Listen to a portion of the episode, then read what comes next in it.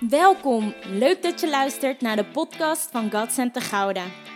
God Center Gouda is een jonge gemeente waar een ontmoeting met God centraal staat. Ons motto is Love God, Love People, Love Yourself. En deze week weer een inspirerende boodschap met Pastor Jeroen over hoe God gebrokenheid gebruikt. Het is goed om weer thuis te zijn. We hebben jullie gemist. We hebben een heerlijke tijd gehad op de camping. We hebben een heerlijke tijd gehad als gezin. Maar het is goed om als familie weer bij elkaar te zijn. Dus we zijn dankbaar om uh, weer terug te zijn. We zouden eigenlijk uh, twee weken gaan. Toen was het zo lekker. Toen dachten we, nou, dan maken we tweeënhalve week van. En toen dachten we woensdag, nou, we gaan nog niet naar huis. Nog langer niet. En toen zijn we uiteindelijk vrijdagmiddag zijn we ergens teruggekomen. Want het was zo heerlijk om uh, als gezin lekker quality time te hebben met elkaar. Samen met elkaar een caravan uit te drijven. En um, voordat je je had afgedroogd van de douche, alweer het zweet op je rug te hebben staan. Maar toen kwam ik thuis en toen dacht ik, oh, ik dacht dat het huis koeler zou zijn, maar dat viel tegen. Dus ik heb nu alweer het zweet op mijn rug staan. De, um, ja, we gaan beginnen lekker met een family time. En ik was dus pas vrijdag thuisgekomen, dus ik, we waren net aan het bidden. Ik denk, ik weet eigenlijk helemaal niet waar het over gaat. Maar het gaat over familie zijn. En ik heb wat campingbeelden voorbij zien komen. Dus ik denk dat we de groeten krijgen van enkele van de camping. Laten we er naar kijken met elkaar. Een hele goede morgen, lieve gemeente. Ik hoop dat jullie allemaal lekker van je vakantie aan het genieten zijn. Wij in ieder geval wel. We zijn lekker een uh, rondje gaan zeilen op de Nieuwkoopse plassen. Hey, en uh, we hebben een aantal mensen die gewoon lekker uh, echt op vakantie zijn nu. En ik dacht, laten we eens even kijken hoe het met ze is. Dus we schakelen over naar onze eerste vakantieganger. We gaan weer even op vakantie, auw. Hey allemaal, berichtje uit, uh, uit Zeeland. Ik ben, hier, uh, ik ben hier twee weken geweest bij, uh, bij familie. Dus eigenlijk is het niet helemaal vakantie. Het voelt een beetje alsof ik thuis ben. Um, het is super mooi weer elke dag hier. Wat echt nodig is dat je smiddags gewoon eerst even naar bed gaat en dan pas de hele dag op strand bent. natuurlijk heb ik jullie echt gemist. Ik bedacht vanmorgen dat het een beetje gek is dat ik hier echt een familie heb en bij jullie de kerk als familie. Het zou leuk zijn als het ooit een keer, uh, een keer samen is. Hier staan Marlies, die willen niet op. En Eva, hey Eva, plus wij. En wij gaan nu naar de kerk. Grapje, grapje, straks zijn we bij de kerk. Nu gaan we naar het strand. Family time op vakantie, ouwe. Hey. Goedemorgen, welkom op Stadscentrum Middelburg. Kijk, zoals je ziet is het hier in tegenstelling tot de rest van Nederland best uh, rustig. Hier is ons plekje. Die gaan we zo met deze. Oh, zo. Die gaan we zo met deze snoeihitte. Want het is vandaag 31 graden, denk ik, inpakken. En dan gaan we snel naar het strand. Um, in Zoutelanden, daar kan je gratis parkeren. En daar hebben ze goede friet. Dus mocht je nog een uitje zoeken, is een aanrader. Tot zondag! Katcenter op vakantie, ouwe. Klonk dat een beetje als heel klein? Of? Ik vraag me echt oprecht of je heeft dat ingesproken. God Center op vakantie, ouwe. Oh, dit is leuk. Hey, zullen we gewoon gelijk opstaan voor het woord van God? We gaan lezen uit het woord.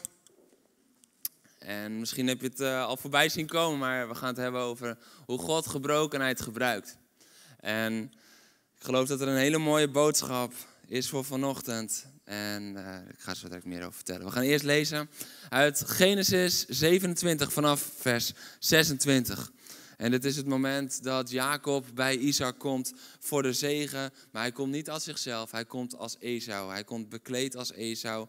Hij heeft vellen van bokken over zijn handen getrokken, zodat hij meer op Esau lijkt. Hij heeft zijn jas aan, zodat hij als hem ruikt.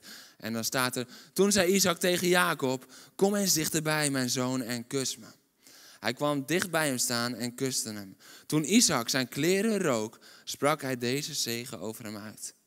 De geur van mijn zoon is de geur van het veld. En het veld dat de Heer heeft gezegend. God geeft je dauw uit de hemel, een vette, vruchtbare aarde. Een overvloed aan koren en aan wijn. Volken zullen je dienen. Naties zullen voor je buigen. Je zult heer zijn over je broers. Macht hebben over je moeders zonen. Vervloekt wie jou vervloeken. Gezegend wie jou zegent. We maken een sprongetje in zijn leven. We gaan drie fragmenten uit het leven van Jacob gaan we pakken. Misschien denk je nu, wat heeft dat met elkaar te maken? Misschien denk je dat over een half uur nog steeds. Ik hoop het niet, want ik hoop dat ik het dan verduidelijkt heb. We gaan naar uh, hoofdstuk 32.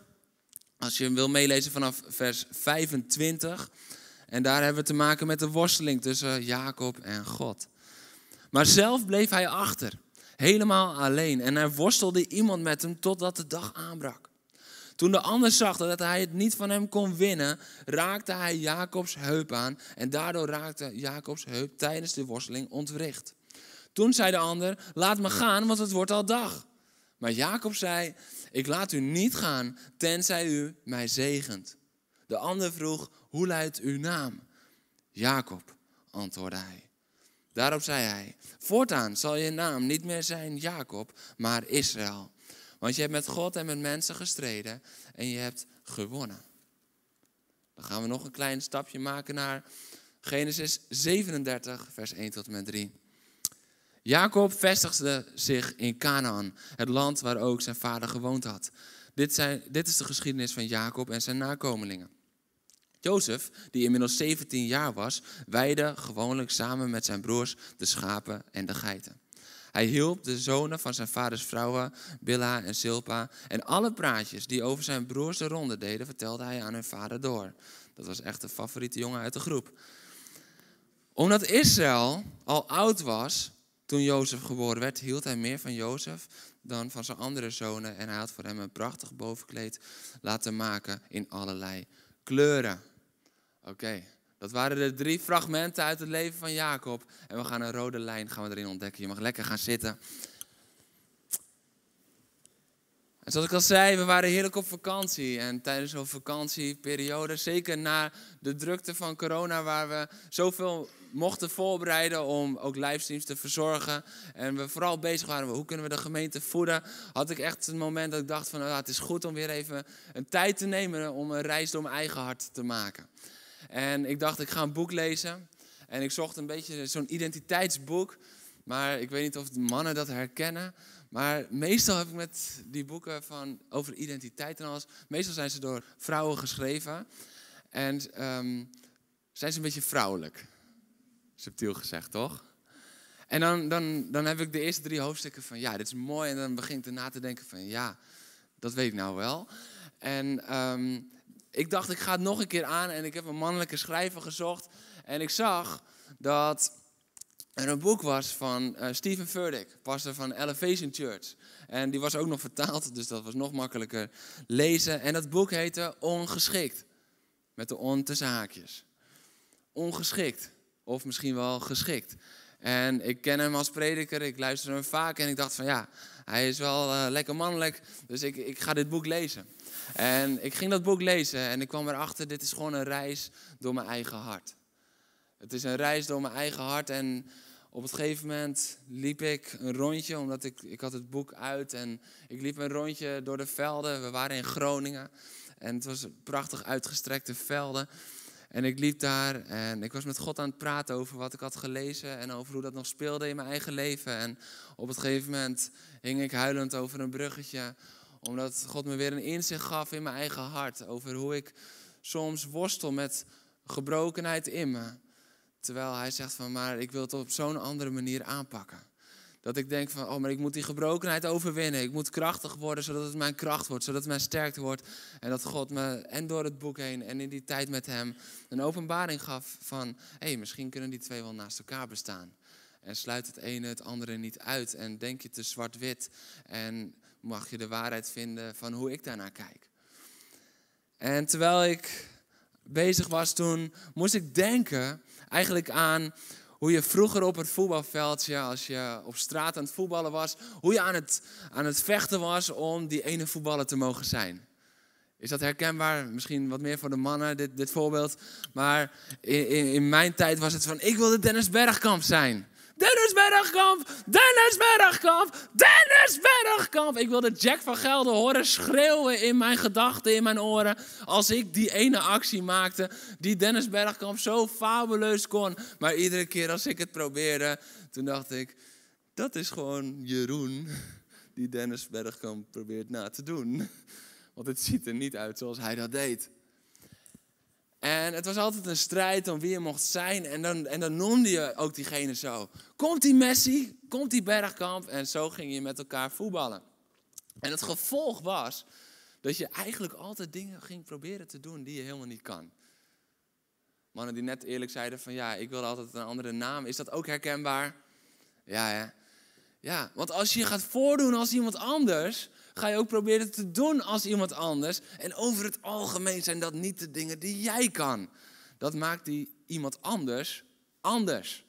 En dat is mooi. En op de pleintjes en op de veldjes was dat altijd het ding. En dan stond je weer voor paal omdat je weer iets probeerde wat je niet kan. En in mijn geval, ik was wat meer een verdediger, dan probeerde ik drie scharen. En dan struikelde ik over mijn eigen benen. Dat is als Jeroen Dennis Bergkamp probeert na te doen. Maar toen kwam ik op de club.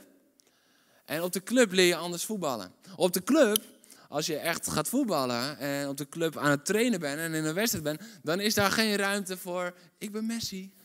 Ik ben Ronaldo. Ik ben Matthijs de Licht. Ik ben Frenkie de Jong. Nee, daar is geen ruimte voor, want je gaat gewoon trainen. En als je dan aan het trainen bent, dan is de trainer niet bezig met jou te leren zoals een ander. Maar dan is hij aan het kijken van waar ben jij goed in? Wat zijn jouw zwakke punten waarin we verbetering kunnen maken? En oké, jij bent meer verdedigend ingesteld, dan gaan we jou achterin zetten. Want wie herkent het ook dat op een of andere manier elk jongetje tussen de 6 en de 50 wil scoren. Ik heb van origine nog nooit iemand horen zeggen: Zet mij maar in de verdediging. Nee, jongens willen altijd scoren. Ze willen altijd voorin staan. En dat is ook de beeldvorming. Want uh, zoals mijn vader, die echt, die is niet te, betrappen op enkel intelligentie op voetbalgebied. Dat weet hij zelf ook, dus dat kan ik gewoon zeggen. Um, die, die, die wist wel één stijlregel. Die zei altijd van hoe slechter je kan voetballen, hoe verder je naar achteren gaat. En mijn neefje was doelman. Arm, arm kind. ja, ja. Die zit nu nog in pastoraat. Maar het, ja, nee, het gaat goed met hem, gelukkig. Maar dit is wel interessant. We willen altijd iemand anders zijn. We willen altijd zijn als die. Zijn als die. En misschien heb jij het niet op voetbalvlak, maar heb jij wel op Instagram iemand die dat je denkt, oh, ik wil eruit zien zoals zij. Ik wil eruit zien zoals hij. Misschien heb je het in de kerk wel dat je denkt van, ik wil zijn als Javet. Ja. Ja, wij hebben het er thuis wel eens over. Dat is, oh, kon ik maar een piano spelen zoals Javet. Dan zou ik volgens mij de hele dag alleen nog maar in aanbidding zijn. Toch, Jaaf? ja, maar we willen zo vaak zijn als iemand anders. En ik geloof dat we dat ook zien in het leven van Jacob. Want als we dat eerste fragment nog even terughalen, dan wilde hij gezegend worden. Hij wilde gezegend worden. En hoe deed hij zich voor? Hij deed zich voor als zijn broer. En in zijn leven zie je verschillende rode draden lopen. En die kruisen elkaar iedere keer. En die zijn iedere keer weer met elkaar verbonden. En zo'n rood draad is list en bedrog. En zo'n rood draad is zegen. En die twee die liggen dichter bij elkaar als dat we vaak denken. En zijn meer verbonden in dit geval als we denken. Want Jacob wordt geboren. Hij wordt geboren, maar hij komt net als tweede. Joop Zoetemelk was de eeuwige tweede totdat hij won. Maar Jacob die was echt bestemd als eeuwige tweede. Hij had de enkel, de hiel van zijn broer, had hij nog vast. Want ze hadden gestreden om wie er als eerste uit kon. Want dat was nogal wat in die tijd, want dan had je het eerste geboorterecht. En dat eerste geboorterecht, dat betekende zegen. En hij hield de hiel van zijn broer nog vast. Als ik dan denk aan die bevalling, dan denk ik, wow. Hij hield de hiel van zijn broer nog vast. En daaraan dankte hij ook zijn naam Jacob, hielenlichter, bedrieger. Dat is de naam die hij kreeg. En hij had de zegen gemist. Hij had net aan die zegen gemist. En ze waren al aan het vechten in de moederschoot, want de Bijbel zegt iets eerder al dat Rebecca al ervaarde dat het iedere keer gerommel was daarbinnen. En dat de kinderen in de baarmoeder al met elkaar botsten. Dus dat was al vanaf het begin was dat zo. En Jacob mist dan net aan de zegen, maar Jacob geeft niet op. Jacob is al die tijd is hij nog gefixeerd op die zegen die hij moet krijgen. Ik wil die zegen ontvangen en die zegen zal me niet afgenomen worden. En dan op het gegeven moment komt een keertje Esau, die komt hongerig van het veld terug. Hij heeft gejaagd, hij heeft gewerkt en hij heeft honger. Moet je nagaan dat het 35 graden is. Dat konden we ons nooit indenken in Nederland, dat kunnen we nu wel. En dat je een hele dag in het veld hebt gestreden, hebt gejaagd en je bent ervoor gegaan. En dan kom je thuis en dan ruik je die soep van je broer. En je ruikt die soep en je denkt, ik heb honger. Ik heb honger. En daar, dat is de man in Esau die denkt alleen nog maar, ik heb honger. En ik moet eten. En daar staat Jacob. Wil je eten? Nou, geen probleem. Ik heb een soepje voor je gemaakt. Geen probleem. Maar voor wat hoort wat. Weet je wat we doen? Jij komt soep, ik eeuwige zegen. Nou, dat is een goede ruil, denkt Esau. Wat kan die zegen mij schelen? Die zegen kan mij gestolen worden, zegt hij. En hij zegt, geef me die soep. Dat is wat honger doet met Esau. Mannen, kijk uit als hebt. Met wat je doet. Dat kan je tot rare keuzes leiden. En Esau schat de zegen, het eerstgeboorterecht, niet op waarde en verkoopt zo zijn zegen aan Jacob. En dan maken we nog een stapje in de tijd. Want daarin zien we dus hoe leugen en bedrog en zegen alweer met elkaar verbonden zijn. En de volgende stap weer. Want Isaac die laat Esau bij zich komen en die zegt: Ga een stuk wild voor mij schieten, want ik weet niet hoeveel dagen ik nog te leven heb. Zijn ogen zijn slecht geworden, hij is blind geworden, hij ziet Esau niet. Maar hij stuurt hem op pad. En de moeder van Jacob, Rebecca, die denkt: Dit is het moment, want de zegen moet gaan naar mijn jongste zoon. En dat is weer het moment dat leugen en bedrog en zegen aan elkaar gekoppeld worden. Want Jacob, die wordt bekleed met vellen van bokken om haar harige handen te hebben, zoals Esau had. Hij krijgt een jas aan, hij wordt bepakt en bezakt om maar op Esau te lijken. Om maar te zijn zoals zijn broer, om de zegen van God te ontvangen. En hij komt daar en Isaac die twijfelt, want die denkt, ja die stem, dat is toch meer uh, Jacobs stem als dat het Esau's stem is. En Isaac twijfelt en hij zegt, kom eens dichterbij. En dan ruikt hij de jas van Esau en hij geeft de zegen aan Jacob. Maar het interessante is dat de zegen van God wordt hier uitgesproken. De zegen van God wordt hier gegeven zoals we net hebben gelezen. En wat er dan gebeurt is eigenlijk het tegenovergestelde. Want er staat, God geeft u dauw uit de hemel en een vette, vruchtbare aarde, de overvloed van koren en wijn. Volken zullen je dienen. En naties zullen voor je buigen. Je zult heer zijn over je broers. Dat is de zegen die hij krijgt. Maar die zegen zien we helemaal niet in Jacobs leven komen. Waarom? Omdat hij niet komt als Jacob. Ik heb drie punten voor vandaag. En het eerste punt is: God kan niet zegenen wie jij niet bent. God kan niet zegenen wie jij niet bent. Maar te vaak komen we niet in wie we zijn. Te vaak komen we, terwijl we Jacob zijn, komen we als Esau, smekend voor een zegen op basis van wie hij is. Maar God kan jou niet zegenen in wie jij niet bent. God kan jou alleen zegenen in wie je wel bent. En dat zien we dan ook, want de blokkade voor Gods zegen is duidelijk. Want de zegen is uitgesproken, maar we zien daar niks van in Jacobs leven terechtkomen.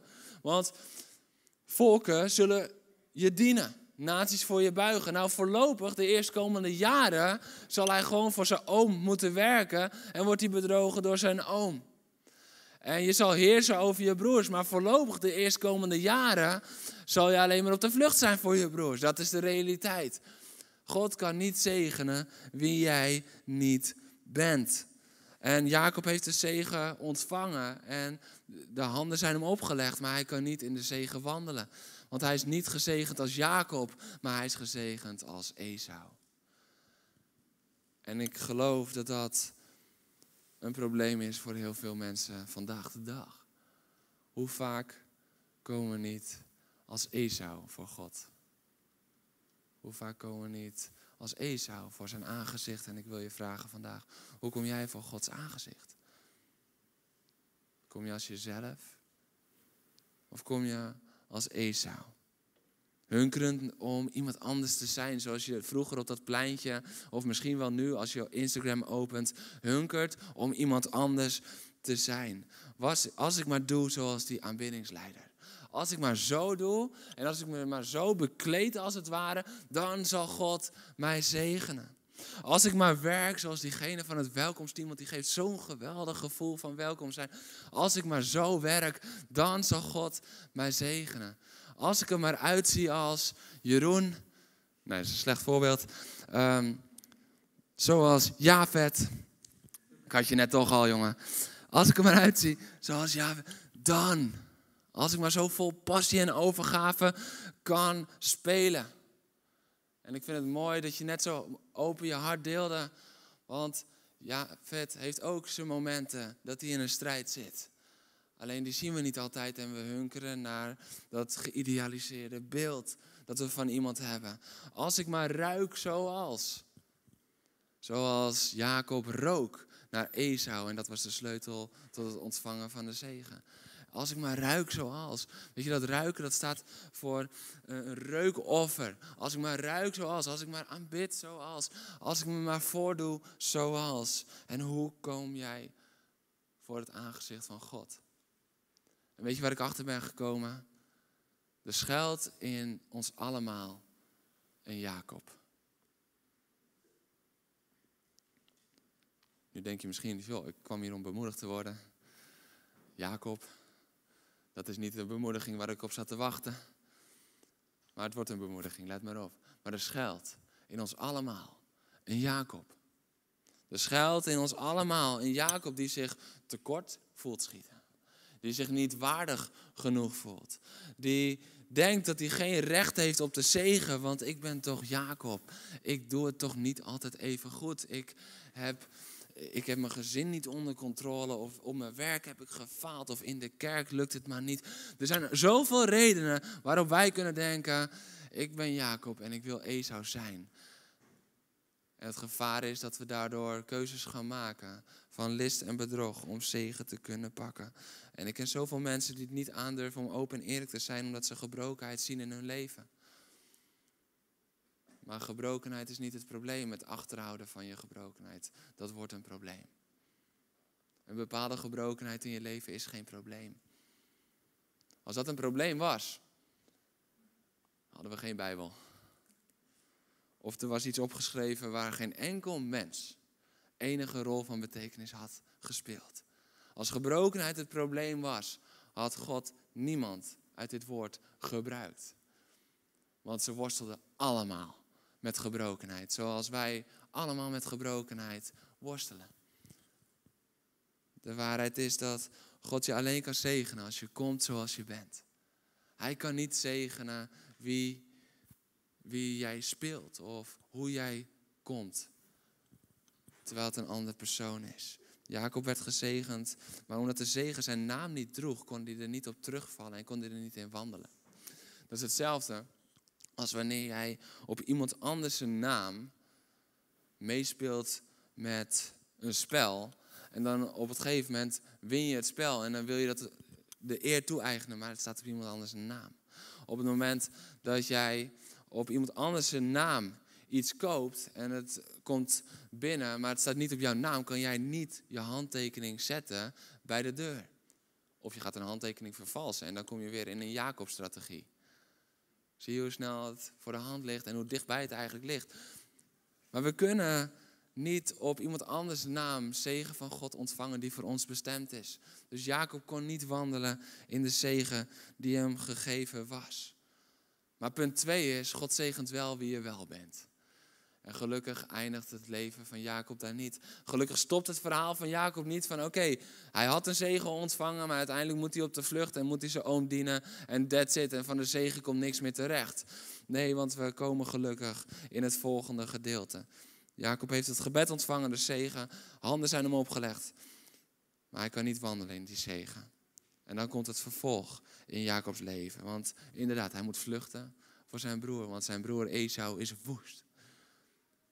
Best gek eigenlijk. Want hij had eerst had hij dat recht al verkocht. En dan wordt het hem afgenomen en dan is hij woest. Dus hij zal meer woest zijn geweest op de manier hoe Jacob dat had aangepakt. En dan moet hij vluchten en dan komt hij bij zijn oom Laban. En daar wordt hij niet als Jacob ontvangen, maar als zoon van, dus van zijn zus. Want Dus uh, Rebecca was de zus van Laban. Als zoon van zijn zus wordt hij ontvangen, dus weer niet echt als Jacob. En dan wordt hij daar ook nog eens bedrogen. Hij moet zeven jaar werken voor Rachel, maar hij krijgt Lea. En dan moet hij weer zeven jaar gaan werken om Rachel uh, ook te mogen trouwen. En je ziet dat leugen en bedrog wederom een grote rol spelen in zijn leven. En dan roept God hem terug. Dan roept God terug, terug naar zijn land. Terug naar zijn, het land van zijn vader. Jacob, ga terug. En dan doet hij dat weer op een listige en bedrog manier. Dat is even te veel om vandaag te gaan behandelen. Maar wat we dan zien, is dat hij in een worsteling komt met God. En over die worsteling hebben we net ook gelezen. En wat zo mooi is, is daar zal hij zijn zwakheid onder ogen komen. Daar zal hij zijn zwakheid zien en kracht ontvangen. Daar wordt duidelijk dat Jacob in staat was om zijn zwakte om te buigen tot de vasthoudendheid die hij nodig had in de worsteling met God. Want zien we niet dat Jacob hem niet loslaat, zoals die Esau niet losliet? Bij de geboorte. Zien we niet dat de hele lichter die hij daar was en die hem de naam Jacob opleverde, dat die vasthoudendheid, dat het hem nu oplevert dat hij een naamsverandering doorgaat. Zien we niet dat Jacob hier Israël wordt, omdat hij zijn zwakte omkeert naar God. Dat hij niet vanuit zwakte wegloopt van God, maar de worsteling aangaat met God. En dat die worsteling met God misschien ten diepste wel een worsteling is met zichzelf. Jacob, de hielenlichter, wordt een volhouder. En die hielenlichter houding, die hem tot leugenaar maakte, was nu de vasthoudendheid de goede kant op, Gods kant op gekeerd. En het draaide hem in de juiste richting. En moet je opletten, ze worstelen de hele nacht. De hele nacht. Hij was alleen achtergebleven. En totdat de dag aanbrak, zijn ze aan het worstelen. En de heup van Jacob is al geraakt. Hij is op zijn heup geraakt, zijn heup is ontwricht. De rest van zijn leven zal Jacob mank lopen. De heup is het teken van levenskracht. De, de levenskracht die die zelf, waarin hij zelf altijd wandelde, wordt hem ontnomen. En vanaf nu zal God zijn kracht worden. En dit moment, en dan op het gegeven moment komt de zon bijna op. En dan zegt de ander, laat me gaan. Het wordt ochtend. En dan zegt Jacob, ik laat u niet gaan, tenzij u mij zegent. Ik laat u niet gaan, tenzij u mij zegent. En dit is eigenlijk een hele rare vraag, want Jacob had de zegen toch al ontvangen. Jacob had toch al de grootste zegen die je kon ontvangen als kind, als eerstgeborene normaal gesproken, die had hij toch al ontvangen. Dus waarom vraagt hij hier om een zegen?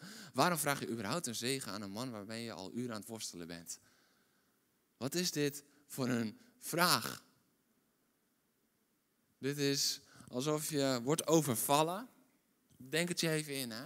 Het is één uur s'nachts. Je komt net even uit een cafeetje lopen. Je hebt een 0.0 radler op. Dus je kan nog goed vechten. En het is één uur s'nachts. En je wordt in een steegje word je aangepakt door iemand.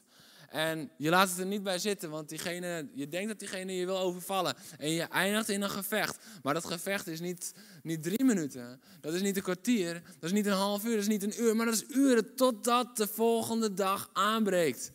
En dan op het gegeven moment zegt hij: Hé hey jongen, het wordt al dag, ik moet gaan.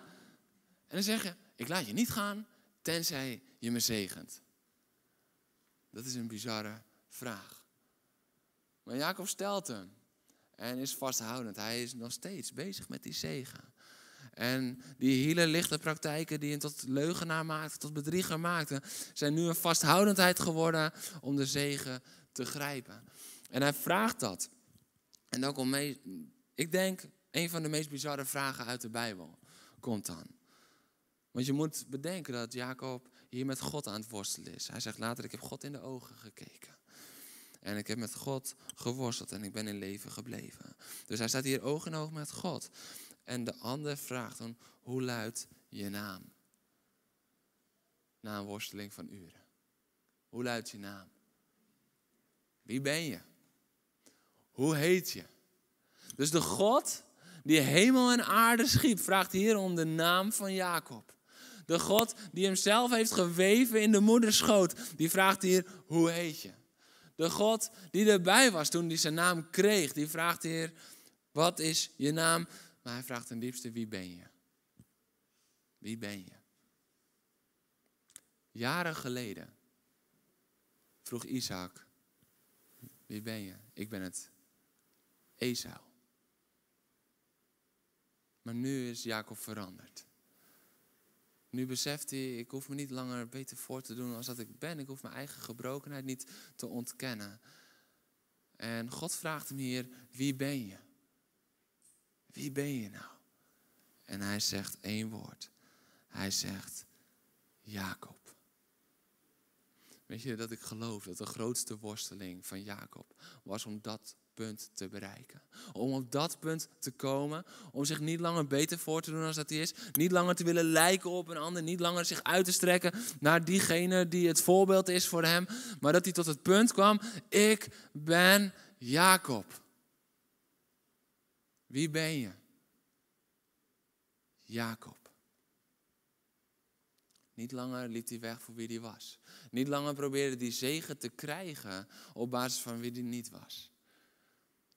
Want hier vooraf zegt hij, ik laat u niet gaan tenzij u mij zegent. En de andere vraagt, hoe luidt je naam?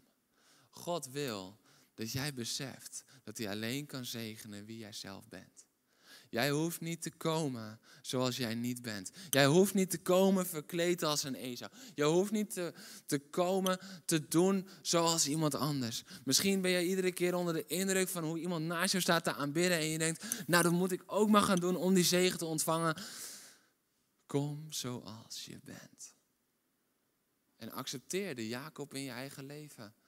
Accepteer gebrokenheid in je eigen leven. Want pas op het moment dat jij beseft, ik ben Jacob, en jij zegt, ik ben Jacob, kan je de zegen van God ontvangen. Dit is een kantelpunt in het leven van Jacob. Dit is een kantelpunt. Want vanaf hier gaat hij niet meer achteraan zijn familie omdat hij bang is voor zijn broer, maar gaat hij voorop en treedt hij hem tegemoet.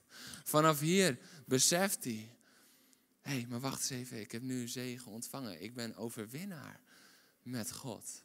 Israël, overwinnaar God, strijder God. Ik ben niet meer bedrieger, ik ben niet meer Jacob, maar ik ben nu ook Israël. Israël. En uiteindelijk zal dat hele volk zal naar hem vernoemd worden. En hij heeft de innerlijke worsteling heeft hij ondergaan. Het is misschien nog wel een, meer een innerlijke worsteling als die worsteling met God geweest die nacht. En God wilde met hem worstelen om hem op dit punt te brengen. En misschien denk je, Heer, waarom voelt het alsof ik met u moet worstelen? Maar misschien wil God jou wel op het punt brengen dat jij zegt, ik ben Jacob. Ik ben Jacob en ik heb me misschien jaren voorgedaan als Esau, maar ik ben Jacob. En het voelt alsof je met God aan het worstelen bent, maar Hij is met jou aan het worstelen om jou op dat punt te brengen dat jij kan zeggen, ik ben Jacob, zegen mij. Zegen mij in mijn gebrokenheid. Zegen mij in mijn tekortkomingen. Zegen mij in dat wat ik niet kan. Zegen mij. Maar dit is gewoon wie ik ben, Heer. Heer, ik kom nu met mijn gebrokenheid. Heer, ik kom met mijn tekortkomingen. Ik kom met wat ik niet kan, maar dit is wie ik ben. En zegen mij daarin. Ik laat u niet los, tenzij u mij zegent. Ik ben Jacob. En er zit een Jacob in ons allemaal. Maar er zit ook die Jacob in ons allemaal, die in staat is om te worstelen met God. En tot het punt te komen te zeggen, ik ben Jacob. Ik ben het. Kom, zegen mij. Want ik kan het zelf niet. En op het moment dat Jacob niet meer doet alsof hij alles onder controle heeft, maar komt in gebrokenheid, daar komt de zegen van God. Daar komt de verandering van God. Daar komt het ingrijpen van God in zijn situatie. En hij krijgt een nieuwe naam. Hij krijgt de naam Israël. Jacob, je bent niet meer alleen bedrieger. Maar Jacob, jij bent nu Israël. Jij bent een strijder Gods. Ik geef jou een nieuw beeld van jezelf. Ik geef jou een nieuwe naam. Ik geef jou een nieuwe identiteit. Maar het begon bij het komen in gebrokenheid. Wat als God gebrokenheid gebruikt? Wat als God gebrokenheid gebruikt? Niet dat mooie doen, alsof alles onder controle is nemen. Wat als God gebrokenheid gebruikt. God vraagt ons niet om nergens zwak te zijn. Hij vraagt ons om met onze zwakheid te komen en het niet achter te houden. Wij denken dat we krachtig moeten zijn voor God, maar onze kracht is in God en zelf mogen we met onze zwakheid komen. Dat is de realiteit. Dus God kan niet zegenen wie je niet bent. God zegent wel wie je wel bent.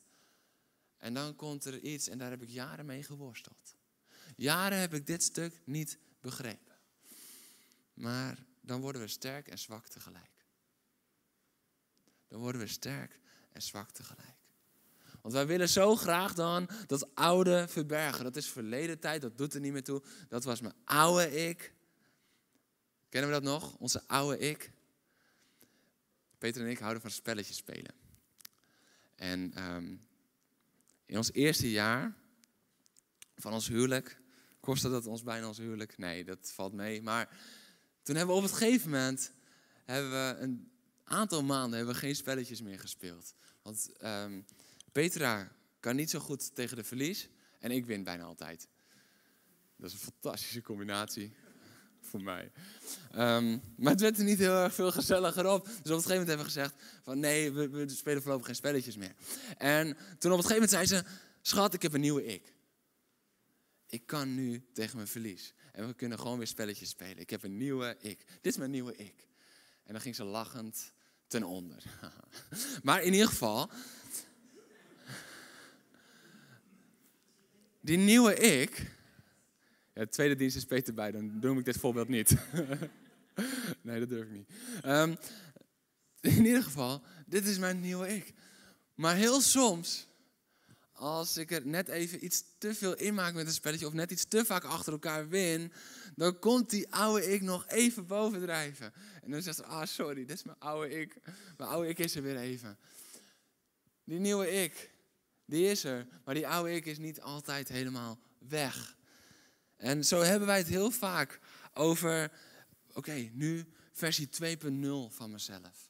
En we strekken ons uit naar een versie 2.0 van onszelf. Ik wil Jeroen 2.0 worden. En dan is die 1.0 is weg en die 2.0 is daar. Maar de realiteit is dat dat eigenlijk helemaal niet zo gaat. En we moeten gewoon zorgen dat we de beste 1.0 versie van onszelf worden. Want God heeft ons gemaakt zoals we zijn. Dus beter gaan we niet een ander iets bedenken. Maar soms willen we dan alsof dat oude helemaal voorbij is gegaan. En toen las ik 2 Korinthe 12, vers 10. Daar staat: Ben ik zwak, dan ben ik sterk. In het Engels staat het krachtiger vertaald vanuit het Grieks. For when I'm weak, then I'm strong. Dus als ik zwak ben, dan ben ik sterk. En weet je wat interessant is? Hier zegt Paulus dus niet tegen de gemeente in Korinthe: Ik was ooit zwak, maar nu ben ik sterk. Hij zegt niet van als ik ooit niet meer zwak ben, dan ben ik sterk. Nee, hij zegt dit bestaat naast elkaar. Als ik zwak ben, dan ben ik sterk. Het is er samen. Het kan naast elkaar bestaan. Het kan het tegelijkertijd zijn. En zwak en sterk zijn niet twee werelden waarvan er maar één tegelijkertijd kan regeren. De Bijbel leert dat het ene mogelijk is in het ander. Ben ik zwak, dan ben ik sterk. En sterker nog, we kunnen tegelijkertijd zwak en sterk zijn. En onze zwakheden kunnen dan zelfs onze kracht gaan worden. Kunnen onze sterkte gaan worden. En dit gebeurt ook in het leven van Jacob. Hij is krachtiger dan ooit door de verandering die hij doorgaat. Maar hij is zwakker dan ooit, want hij is op zijn heup geraakt, zijn eigen levenskracht. Maar weet je wat ik me al die tijd heb afgevraagd? En daar ben ik jarenlang niet uitgekomen. Nadat zijn naam is veranderd, in Israël, noemt de Bijbel hem zowel Jacob als Israël. En ik snapte dat nooit. Ik heb daar jarenlang heb ik mijn vragen over gehad. Heer, waarom noemt u hem nog steeds Jacob en Israël? U heeft toch zelf gezegd, Heer, jouw naam zal niet langer zijn Jacob, maar Israël. Hoe kan het dan dat u hem nog Jacob noemt? En toen kreeg ik aan de ene kant aan de hand van dat boek wat ik aan het lezen was. En in dat veld kreeg ik een openbaring van God. Hij zei, jij wil altijd alleen maar Israël zijn. Maar ik hou van Jacob en van Israël. Jij verafschuwt Jacob in jou. Maar ik hou van Jacob, jongen. Ik heb mijn zegen al gegeven aan Jacob, maar dat kon geen doorgang vinden. Dus ging ik met hem aan het worstelen en maakte ik hem Israël. Maar wij willen altijd Israël zijn. Wij willen altijd alleen die overwinnende kant. Maar die gebrokenheid, die hoort erbij. En ook van jouw gebroken zelf hou ik, zegt God. Wij denken vaak dat God van Israël houdt. Maar God houdt van Jacob en Israël. In jou leeft Jacob en Israël. In jou leeft de overwinnaar, Jezus Christus. Hij is in jou komen wonen en dat maakt jou tot overwinnaar. Want de overwinnaar leeft in jou. En wij denken dan van, ja, maar dat is wie ik ben. En dan is er geen ruimte meer voor dat, dat oude, maar Jacob is er soms nog. En je mag komen met je Jacob.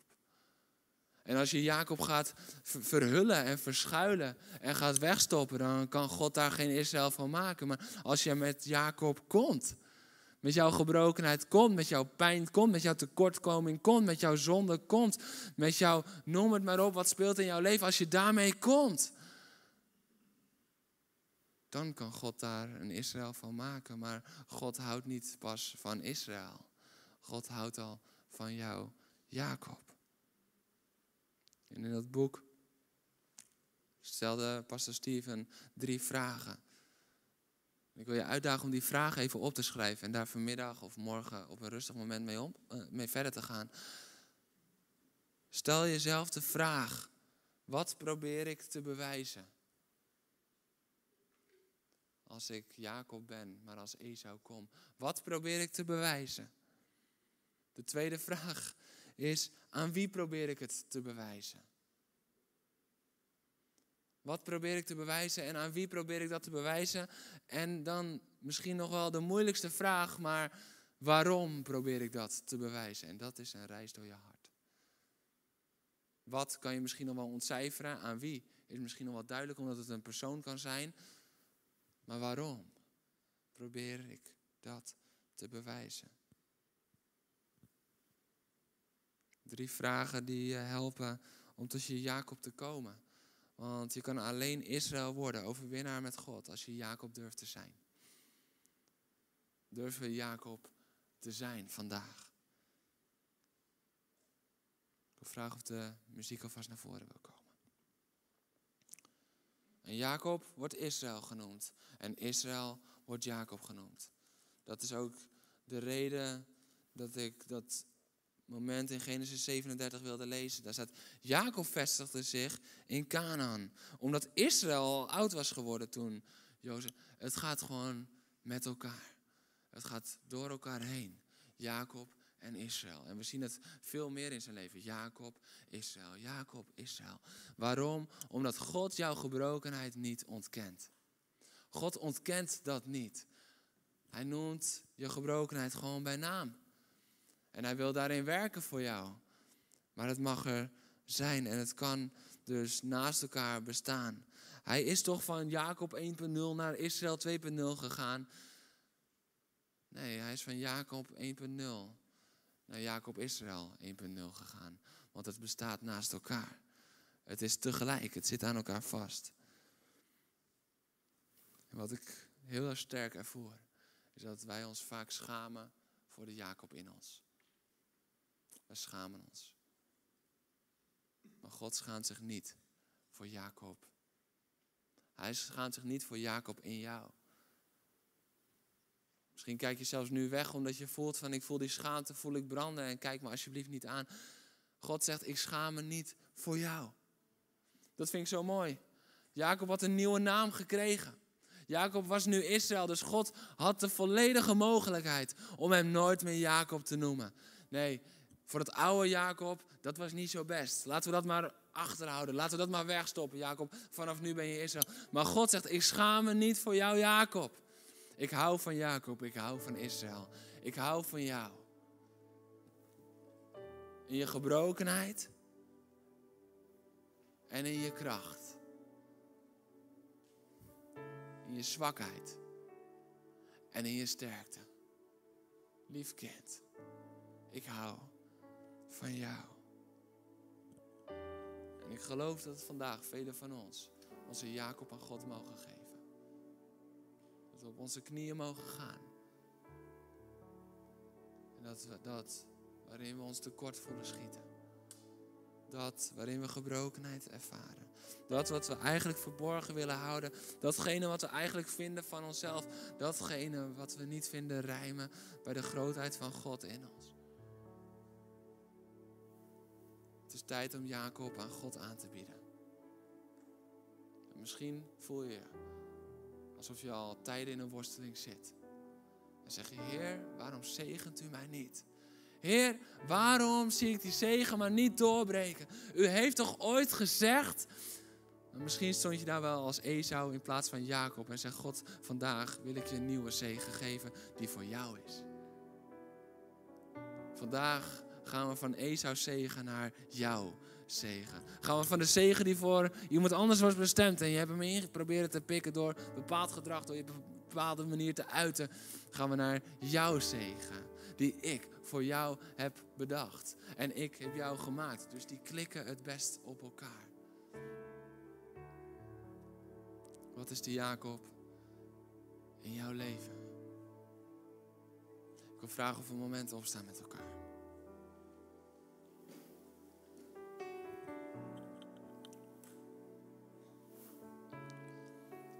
In de worsteling hield Jacob God vast. Ik laat u niet gaan, tenzij u mij zegent. Heer, ik laat u niet los, tenzij u mij zegent, want ik heb uw zegen nodig. Je zit misschien in die worsteling en God vraagt je vandaag één vraag. Wat is je naam? Wie ben je? Kom alsjeblieft vandaag niet zoals iemand anders, maar kom zoals je bent. Want ik hou van wie jij bent. En dan ga ik ook nog aan de slag met wie jij bent. Maar dat is niet omdat ik niet hou van Jacob. We hebben dat misschien jarenlang verkeerd geïnterpreteerd, maar hij werd niet Israël omdat God niet hield van Jacob. Want dan had God hem nooit meer Jacob genoemd daarna. Maar iedere keer is het Israël of Jacob. God houdt van jou in je huidige staat. God houdt van jou in de staat over een jaar. Over tien jaar, over twintig jaar. God houdt van jou Jacob, van jou Israël. En ik wil je uitdagen. Als jij vandaag wil je Jacob wil geven aan God, wil ik je vragen om een moment te knielen. Om gewoon jouw Jacob bij hem neer te leggen. En dan zullen we met elkaar bidden. Want het is tijd om te komen zoals we zijn. Het is tijd om als Jacob te komen. Gewoon als onszelf te komen. En ik zal met je knielen. En we gaan samen bidden. Halleluja. Als dat voor jou is, mag je dit moment nemen.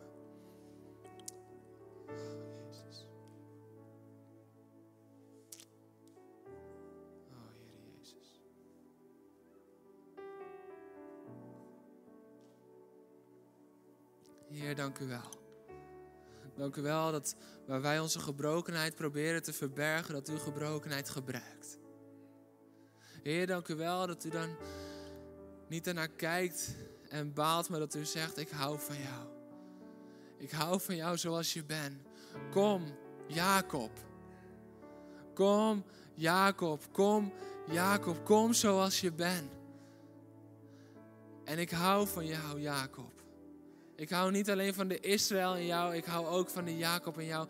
Mijn liefde omvat helemaal wie jij bent. En je hoeft geen 2.0 versie te worden, maar je mag Jacob en Israël zijn tegelijkertijd. Het bestaat naast elkaar.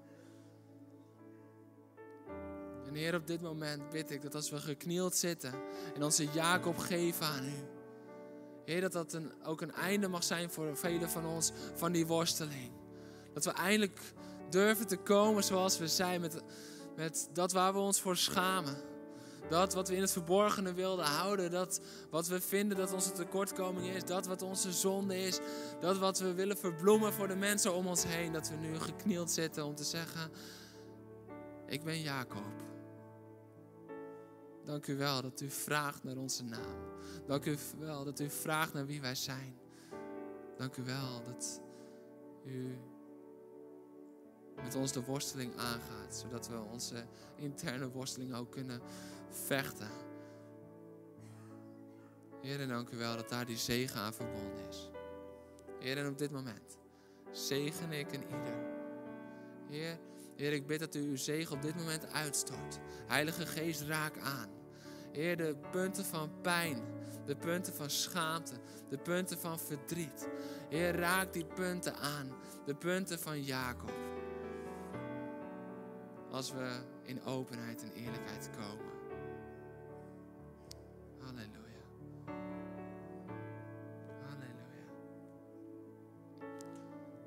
God wil tegen je zeggen vandaag: het feit dat je over een tijdje misschien weer een Jacob-element in je leven voelt, betekent niet dat Israël er niet is. Want in het verdere leven zien we Jacob en Israël elkaar afwisselen. Dat betekent niet dat het niet gebeurd is vanochtend. Ik doe mijn werk, mijn kind.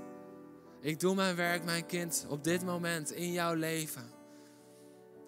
Pak die zekerheid. En weet dat ik van jou hou. Als Jacob en als Israël. Halleluja. Amen. We hopen dat deze boodschap je geïnspireerd, geactiveerd en gemotiveerd heeft in je wandel met God. Deel deze boodschap ook op je socials, zodat vele anderen met jou hierdoor geïnspireerd mogen worden. Ontmoeten we elkaar snel een keer in een van onze diensten? Zondag om half tien of om kwart voor twaalf in God Center Gouda.